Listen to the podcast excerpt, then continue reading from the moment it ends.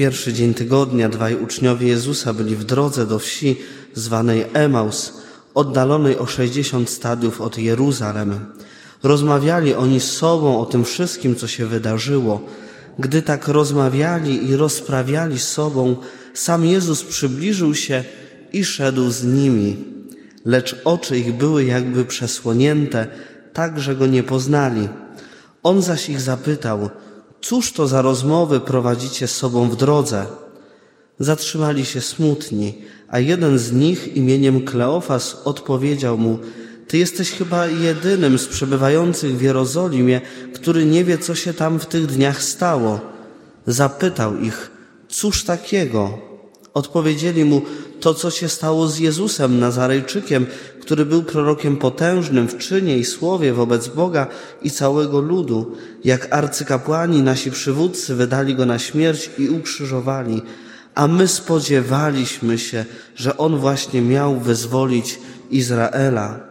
Ale po tym wszystkim dziś już trzeci dzień, jak się to stało. Nadto jeszcze niektóre z naszych kobiet przeraziły nas, były rano u grobu, a nie znalazłszy jego ciała, wróciły i opowiedziały, że miały widzenie aniołów, którzy zapewniają, iż on żyje. Poszli niektórzy z naszych do grobu i zastali wszystko tak, jak kobiety opowiadały, ale jego nie widzieli. Na to on rzekł do nich, o nierozumni, jak nieskore są wasze serca do wierzenia we wszystko, co powiedzieli prorocy. Czyż Mesjasz nie miał tego cierpieć, aby wejść do swej chwały? I zaczynając od Mojżesza, poprzez wszystkich proroków, wykładał im, co we wszystkich pismach odnosiło się do niego.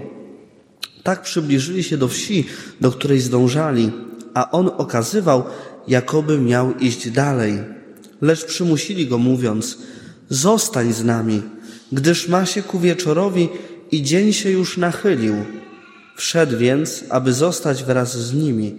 Gdy zajął z nimi miejsce u stołu, wziął chleb, odmówił błogosławieństwo, połamał go i dawał im. Wtedy otworzyły się im oczy i poznali go, lecz on zniknął im z oczu i mówili między sobą, czy serce nie pałało w nas, kiedy rozmawiał z nami w drodze i pisma nam wyjaśniał? W tej samej godzinie zabrali się i wrócili do Jeruzalem. Tam zastali zebranych jedenastu, a z nimi innych, którzy im oznajmili, Pan rzeczywiście zmartwychwstał i ukazał się Szymonowi. Oni również opowiadali, co ich spotkało w drodze i jak go poznali przy łamaniu chleba. Drogie siostry, drodzy bracia, jesteśmy dzisiaj świadkami drogi, którą pokonują uczniowie, drogi do Emaus. Jak tak się przypatrzymy tej drodze, to jest ona pełna emocji. Oni nawet nie tylko rozmawiają, ale wręcz ewangelista podpowiada, rozprawiają ze sobą Dosłownie można powiedzieć, tłumacząc to z języka greckiego, oni się kłócą, sprzeczają ze sobą. Ich serca są pełne żalu, są rozżalone. Ich serca są pełne cierpienia. Ich serca są pełne napięcia, rozchwiania. Serca pełne frustracji. Dlaczego takie emocje im towarzyszą? dowiadujemy się z rozmowy, którą Jezus z nimi przeprowadza. W czasie tej rozmowy przyznają się przed Nim. To jest takie kluczowe zdanie tej dzisiejszej Ewangelii. A my spodziewaliśmy się, że On właśnie miał wyzwolić Izraela. Oni się spodziewali, ale ich oczekiwania nie zostały spełnione nie potrafili zaakceptować zgorszenia krzyża, nie potrafili zaakceptować tego, że ich potężny, okazujący swoją moc, cudowność, czyniący cuda, Jezus umiera na krzyżu. Ta tajemnica krzyża ich przerosła, była, nie wpisywała się w ich oczekiwania. Oni pragnęli myśleli, że Mesjasz, ten, który przychodzi w imię Ojca, w imię Boga, że On ich wyzwoli z panowania cesarstwa, wpływów, wpływów rzymskich. Jednak ich oczekiwania zostały niespełnione. Drogie siostry, drodzy bracia, dzisiaj chciałbym trochę właśnie podjąć temat tych naszych niespełnionych oczekiwań, bo oczekiwania są wpisane w życiu każdego z nas. Każdy z nas czegoś w życiu oczekuje. I one bardzo często są dla nas taką pułapką, bo zamykamy się i skupiamy się na tych oczekiwaniach. I podobnie jak ci uczniowie idący do Emaus, bardzo często czujemy w swoich sercach ból, rozczarowanie, złość, frustrację. Bardzo często też doświadczamy, że nasze niespełnione oczekiwania bardzo niszczą, psują nasze relacje, wprowadzają napięcie między mnie a drugiego człowieka, czasem między mnie a Pana Boga. A przede wszystkim te niespełnione oczekiwania prowadzą do poczucia nieszczęśliwości, że nie czujemy się szczęśliwie, czujemy smutek. Nawet mm, nieraz trwamy w takich stanach depresyjnych. Jeżeli ktoś nie spełnia naszych oczekiwań, to nie patrzymy na siebie i to, że sami sobie z tymi naszymi oczekiwaniami nie radzimy, tylko zawsze zwalamy winę na tego drugiego. Ty jesteś winny, bo nie spełniłeś moich oczekiwań. Podobnie pewnie czuli się uczniowie idący do Emaus. Jezus jest winny, bo nie spełnił naszych oczekiwań, jesteśmy rozczarowani. Oczekiwania powstają w naszym umyśle, to taka idealna wizja naszego życia, świata, relacji innych. Wyobrażamy sobie, marzymy o idealnym świecie. Tak sobie to wyobrażam. Oczekuję, że taki będę. Oczekuję, że taki Ty będziesz w relacji. Ale życie pokazuje, że jest jednak całkiem inne, że drugi człowiek jest inny niż, go, niż oczekujemy tego. Różnych rzeczy oczekujemy. Oczekujemy od naszych dzieci. Kiedyś mm, towarzyszyłem takiemu młodemu chłopakowi, który, od którego rodzice wymagali, oczekiwali tego, że będzie lekarzem, bo oni byli lekarzami. Z przymusu poszedł na studia, żeby spełnić ich oczekiwania. Nie idąc za tym, co czuje, ale poszedł za oczekiwaniami, bo tego oczekują moi rodzice. Różnych rzeczy oczekujemy od naszych dzieci.